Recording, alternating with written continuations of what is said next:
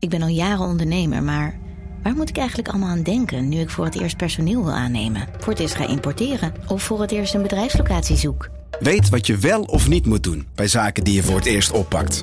Check kvk.nl voor praktische stappenplannen. KVK, hou vast voor ondernemers.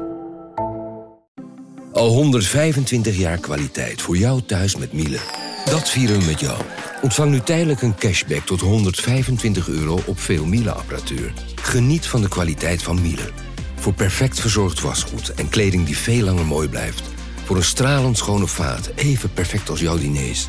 En een stofvrij thuis waarin echt hygiënisch schoon de standaard is. Check miele.nl voor alle feestelijke aanbiedingen.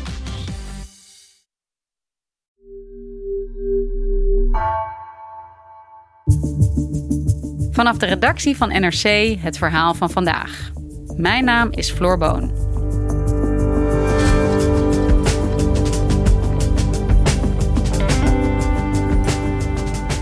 Op 15 september begint het proces tegen Matteo Salvini, de Italiaanse politicus en voormalig minister van Binnenlandse Zaken. Hij staat terecht omdat hij in 2019 een boot vol migranten de toegang tot de Italiaanse havens ontzegde. Italië-correspondent Ine Rooks loopt vooruit op de rechtszaak, die Salvini vooral in zijn voordeel zou willen gebruiken.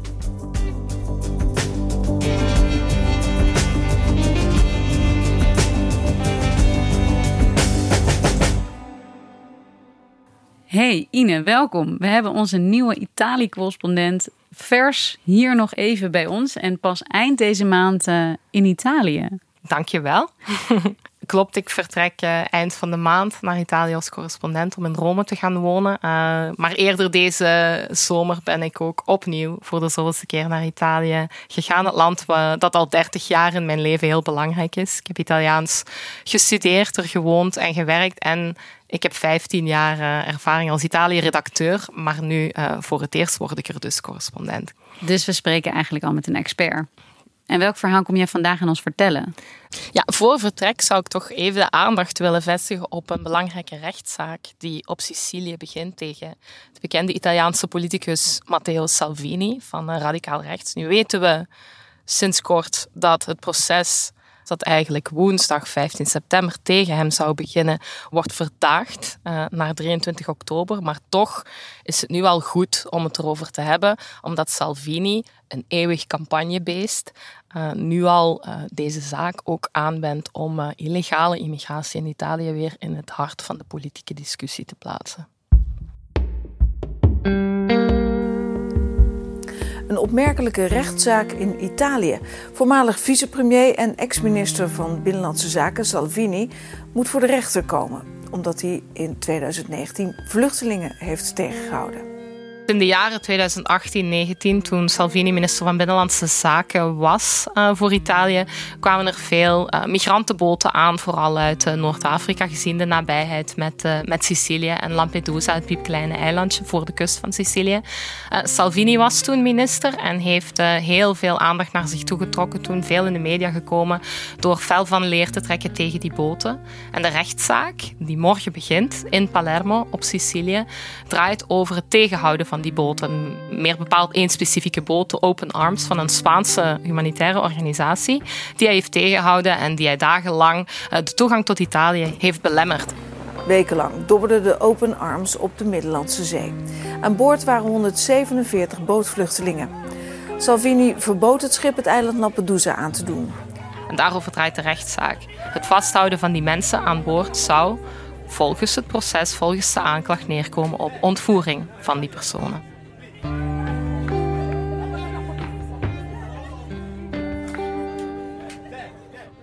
Salvini speelt de vermoorde onschuld. Hij houdt vol. Hij zegt natuurlijk nooit dat, uh, dat hij anti-migranten is. Hij zegt juist dat hij wil voorkomen dat mensen het slachtoffer worden van illegale immigratie. Hè? Dus dat hij daarom boten wil tegenhouden, dat hij eigenlijk het hele trafiek aan banden wil leggen. En dus daarom zegt hij bijvoorbeeld, ja, ik had geen medaille verwacht voor mijn werk. Non pretendevo le medaglie, maar een processo. Maar een proces, werkelijk? En hoe gaat dit proces eruit zien? Hoe groot is dit? Wel, dit is, uh, dit is wel toch, to, toch iets zonder weerga. Hij was minister van de Italiaanse regering. Hij gaat zelf ook zeggen: ik deed dit namens de Italiaanse regering. Daar is natuurlijk contestatie over. Daarnaast, ja, ontvoering. Um, zijn advocaat zegt dan bijvoorbeeld: het schip kon, uh, kon gewoon ergens anders naartoe varen, natuurlijk. En die mensen zijn niet vastgehouden. Dus ja, die aanklacht gaat vrij moeilijk te bewijzen zijn. Die bewijslast dat gaat moeilijk zijn. Natuurlijk is het uniek dat een voormalige minister van een Europese regering zich hiervoor uh, moet gaan verantwoorden. Voor Salvini is dit een moment om zichzelf weer helemaal in de kijker te plaatsen en opnieuw te verwijzen naar de periode toen hij minister was en toen hij dit uh, wel vaker deed. Er zijn andere voorbeelden van broten die hij ook in eerste instantie heeft tegengehouden waarbij het anders is afgelopen. Hij heeft al eerder juridische gevolgen hiervoor moeten, moeten vrezen. Dus Salvini hebben eerder rechtszaken boven het hoofd gehangen over uh, kwesties rondom boten met migranten die wel of niet konden aankomen in Italië. Ja, absoluut. Er zijn uh, ja, in totaal uh, heel recent drie gevallen. In één geval met een boot is het niet tot een rechtszaak gekomen omdat het parlement zijn onschendbaarheid niet heeft opgeheven. Hij is ook senator. Dus er kon niet tegen hem geprocedeerd worden. In een tweede geval heeft een andere rechtbank ook op Sicilië geoordeeld dat uh, naar de rechter gaan voor ontvoering, ja, dat daar te weinig grond voor was. En nu, in deze zaak, gaat een andere rechtbank er dan wel mee aan de slag. We will approach from starboard side, okay? Starboard. Want Ine, kun jij mij even schetsen hoe de situatie is met migranten die aankomen in Italië en met boten vanuit Noord-Afrika en ja, de Italianen en hoe zij daar tegenover staan? Ja. Lampedusa is natuurlijk een heel klein eilandje. Dit hoort bij het eiland Sicilië, dat veel groter is. Maar Lampedusa ligt heel dicht bij Noord-Afrika. Dus wegens die nabijheid is natuurlijk sinds jaar en dag Italië een van de meest gekozen bestemmingen voor uh, bootvluchtelingen vanuit Noord-Afrika. Dat, is een, ja, dat is al vele jaren het geval. Um, de Italianen, goh, natuurlijk uh, is het moeilijk om een volk van meer dan 60 miljoen even over dezelfde kam te scheren. Maar er zijn heel uiteenlopende gevoelens over. Enerzijds gevoelens van grote solidariteit. Anderzijds ook gevoelens van uh, in de steek te worden gelaten door Europa, door de Europese Unie. Bij veel Italianen leeft wel het gevoel dat Europa meer zou kunnen doen, dat er van die herverdeling van migranten meer en beter werk zou kunnen worden gemaakt. En politici zoals Salvini in het radicaal-rechtse kamp uh, weten dat volkssentiment heel goed te capteren uit te vergroten. Dus het is een man um, die, dat, die dat sentiment voelt. Uh, een sentiment waar ook best wel een legitieme grond voor, voor is te vinden.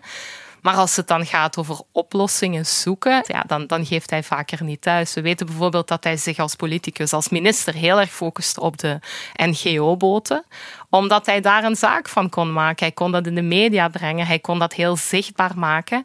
Hij kon NGO's en humanitaire organisaties van links activisme beschuldigen. Het is bijna alsof hij een soort vijandbeeld wilde creëren. Niet alleen het vijandbeeld tegenover uh, NGO's, ook tegenover migranten. Herinner je, dit is de man die is opgegroeid en politiek groot is geworden bij de oude Lega Noorden. Ooit een, een afscheidingsbeweging die het rijke, geïndustrialiseerde Noorden onafhankelijk wilde, wilde maken in Padania, een eh, Noord-Italiaanse onafhankelijke natie. Hij heeft wel iets politiek geniaals gedaan door de naam uh, als voorzitter de naam Noord te laten vallen. En uh, de partij, de nieuwe partij, uh, boven een doopvond te houden die Lega heet. En heel Italië nu wil bestrijken. De nieuwe uh, tegenstander, terwijl dat vroeger de Zuid-Italianen waren, is nu de migrant. Dus hij heeft gewoon zijn partij fenomenaal laten groeien naar een nationalistische, nationaal-populistische rechtse partij in Italië, die al lang een, een vijandbeeld voedt, wat dan de ander is, de buitenlander, de migrant. Um, buiten Italië merk ik vaak dat die Lega soms wat misbegrepen wordt als, ah ja, dat is radicaal rechts. Nee, Salvini is dat. Die partij is op heel veel momenten een rechtsconservatieve, brede bestuurspartij. Mm, zou ik maar aan een vergelijking wagen met Nederland, dan denk ik niet aan Wilders of aan Baudet, maar aan de VVD. Maar Salvini is anders. Salvini is dat campagnebeest. Salvini zit daar, is partijvoorzitter, omdat hij die partij zo heeft kunnen verbreden in, in, in het aantal stemmen, in het aantal kiezers. Hij heeft er een, een nationale partij van gemaakt.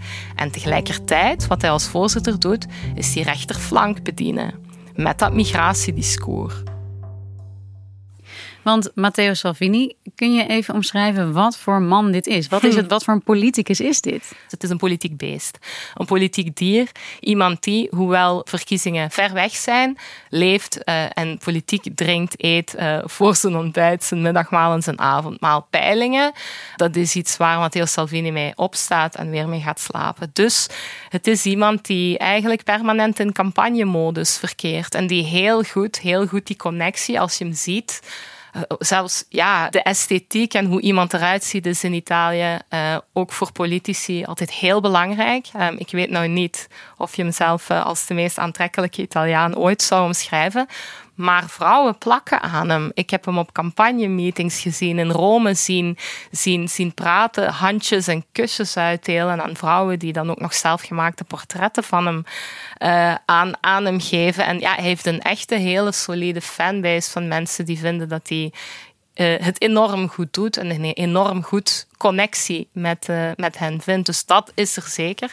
En dus ja, Salvini heeft enerzijds een aantal, veel Italianen verenigd, maar hij heeft ook zeker heel veel mensen tegen hem in het harnas gejaagd. Dus het is gewoon een polariserende figuur uh, die ook heel veel tegenstanders heeft. Een slimme politicus dus, die heel veel mensen aan zich weet te binden. En ook, zou je kunnen zeggen, de strijd is aangegaan met uh, die migrantenboten waar veel weerstand al tegen bestond in Italië. Uh, heeft hij er dan ook voor gezorgd dat minder migranten de Italiaanse kusten konden bereiken? Uh, ja, dat is een heel goede vraag. We weten dat ja, tijdens COVID, tijdens de pandemie, zijn gewoon veel minder mensen vertrokken. Hij kijkt naar de naakte cijfers en zegt hij mijn opvolgster, uh, die doet het veel minder goed dan ik op binnenlandse zaken, want er komen gewoon weer veel meer mensen aan. En toen ik er was, was het veel minder. Dus als je kijkt naar de naakte cijfers, dan uh, kan hij daar een punt op maken. Maar zeggen dat dat helemaal aan hem toe te schrijven is, is dan weer veel te kort door de bocht. Hij neemt één factor, zijn eigen inbreng, zijn eigen ministerschap, en hij vergroot dat uit tot de enige reden. Maar wat er vooraf ging aan zijn ministerschap, is dat Italië toen onder een centrum-linksbestuur een akkoord sloot met Libië. En dat dat een effect heeft gehad. Er is een grote daling van het aantal migranten dat van Libië naar Italië reist. Van meer dan 23.000 in juni naar amper 4.000 in augustus deze maand. Italië heeft afspraken gemaakt met een Libische strijdgroep die de migranten tegenhoudt en opsluit in kampen. Pas daarna is Salvini minister van Binnenlandse Zaken geworden. Daarna kwam COVID en waren er veel minder aankomsten, dan zien we dat COVID en de pandemie bijvoorbeeld een verschroeiend effect heeft gehad op de economie van pakweg Tunesië. Dus daarom zijn nu weer veel meer Tunesische jongeren uh, door die economische malaise, dat gekelderde toerisme, de oversteek aan het wagen. En dat effect zie je ook vertaald in die stijgende cijfers. Om dan te zeggen, het was allemaal door of hoe, zo je wil, dankzij, afhankelijk van uh, welke politieke kant je kiest, Salvini, dat die aankomsten minderde, dat is veel te kort door de bocht. Maar uiteraard is dat wel zijn analyse. Dus eigenlijk eh, gebruikt Salvini een slimme truc om de cijfers in zijn voordeel te gebruiken en daarmee in ieder geval een bepaald deel van de Italiaanse bevolking achter zich te krijgen. Ja, dat klopt. Maar vergeet niet, hoewel hij zich dus heel vaak als oppositiepoliticus presenteert, zit hij wel gewoon met zijn partij in de regering. Hij zit opnieuw in de regering van nu uh, de technocraat die politicus werd, Mario Draghi. Uh, zeer slimme, getalenteerde bestuurder. Uh, wordt gezegd, Super Mario is zijn bijnaam, de voormalige voorzitter van de Europese Centrale Bank, uiteraard. En Salvini's Lega, zijn partij, zit in die meerderheid. Bijna alle partijen zitten in Draghi's meerderheid de man die bijna nooit spreekt en gewoon het land is aan het besturen. En toch zie je dat Salvini de hele tijd in dat bestuur de luis de pels probeert te spelen. Ehm, dat is net hetzelfde als hij twee jaar geleden deed als minister van Binnenlandse Zaken. Hij was de enige die het volk vertegenwoordigde tegen de elite, tegen het systeem, terwijl hij gewoon deel uitmaakte van het systeem. Dus hij hinkt voortdurend op die twee benen, omdat uiteindelijk dat eh, misschien zijn ware aard is. Een opposant, een hardenier, een campagnebeest, iemand die altijd weer kijkt naar die peilingen en nu dus ook naar die oppositiestemmen die hij niet kwijt wil spelen. Mensen die tegen de regering dragen zijn, omdat hij daar dan bij de volgende verkiezingen, wanneer die zich ook aandienen, weer zijn voordeel mee wil doen.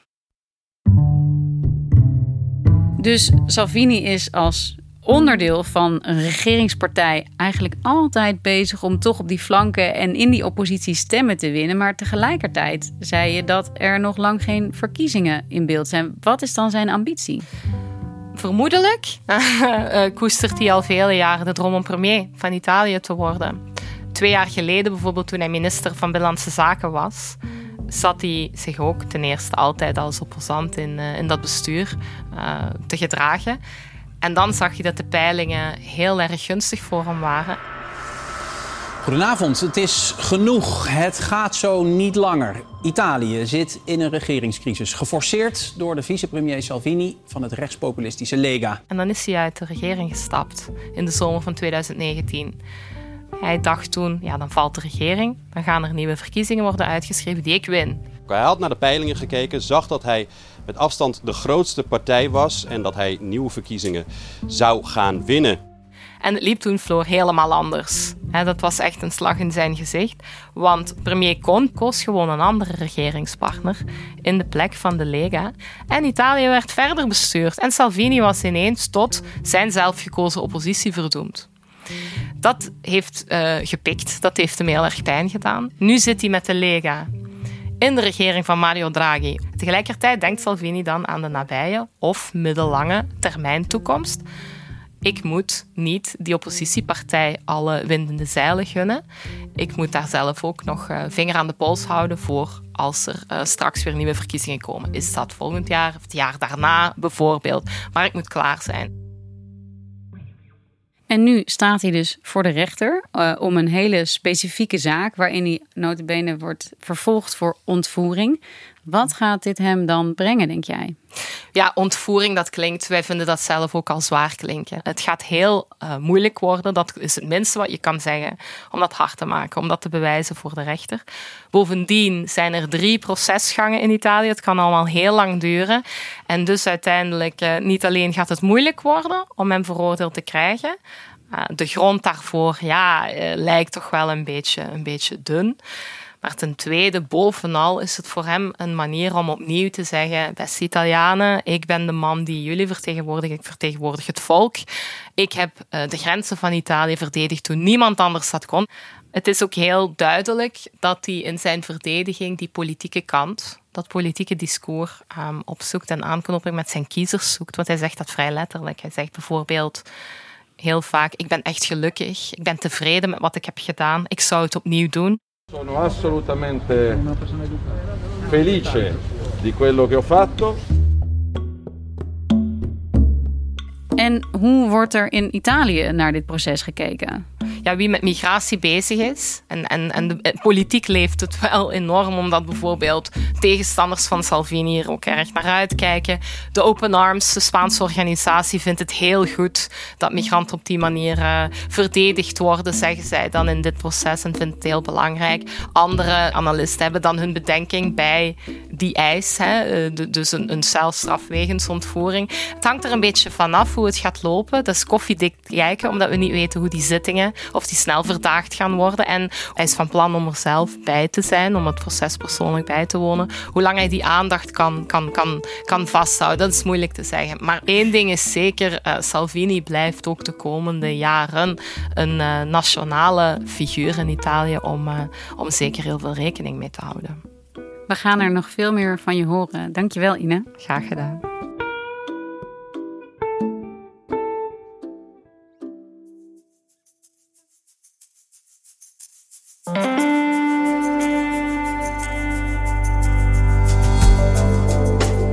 Je luisterde naar vandaag, een podcast van NRC. Eén verhaal, elke dag. Deze aflevering werd gemaakt door Allegria Ioannidis, Wijken van Kolwijk, Jeroen Jaspers en Bas van Win. Dit was vandaag. Morgen weer.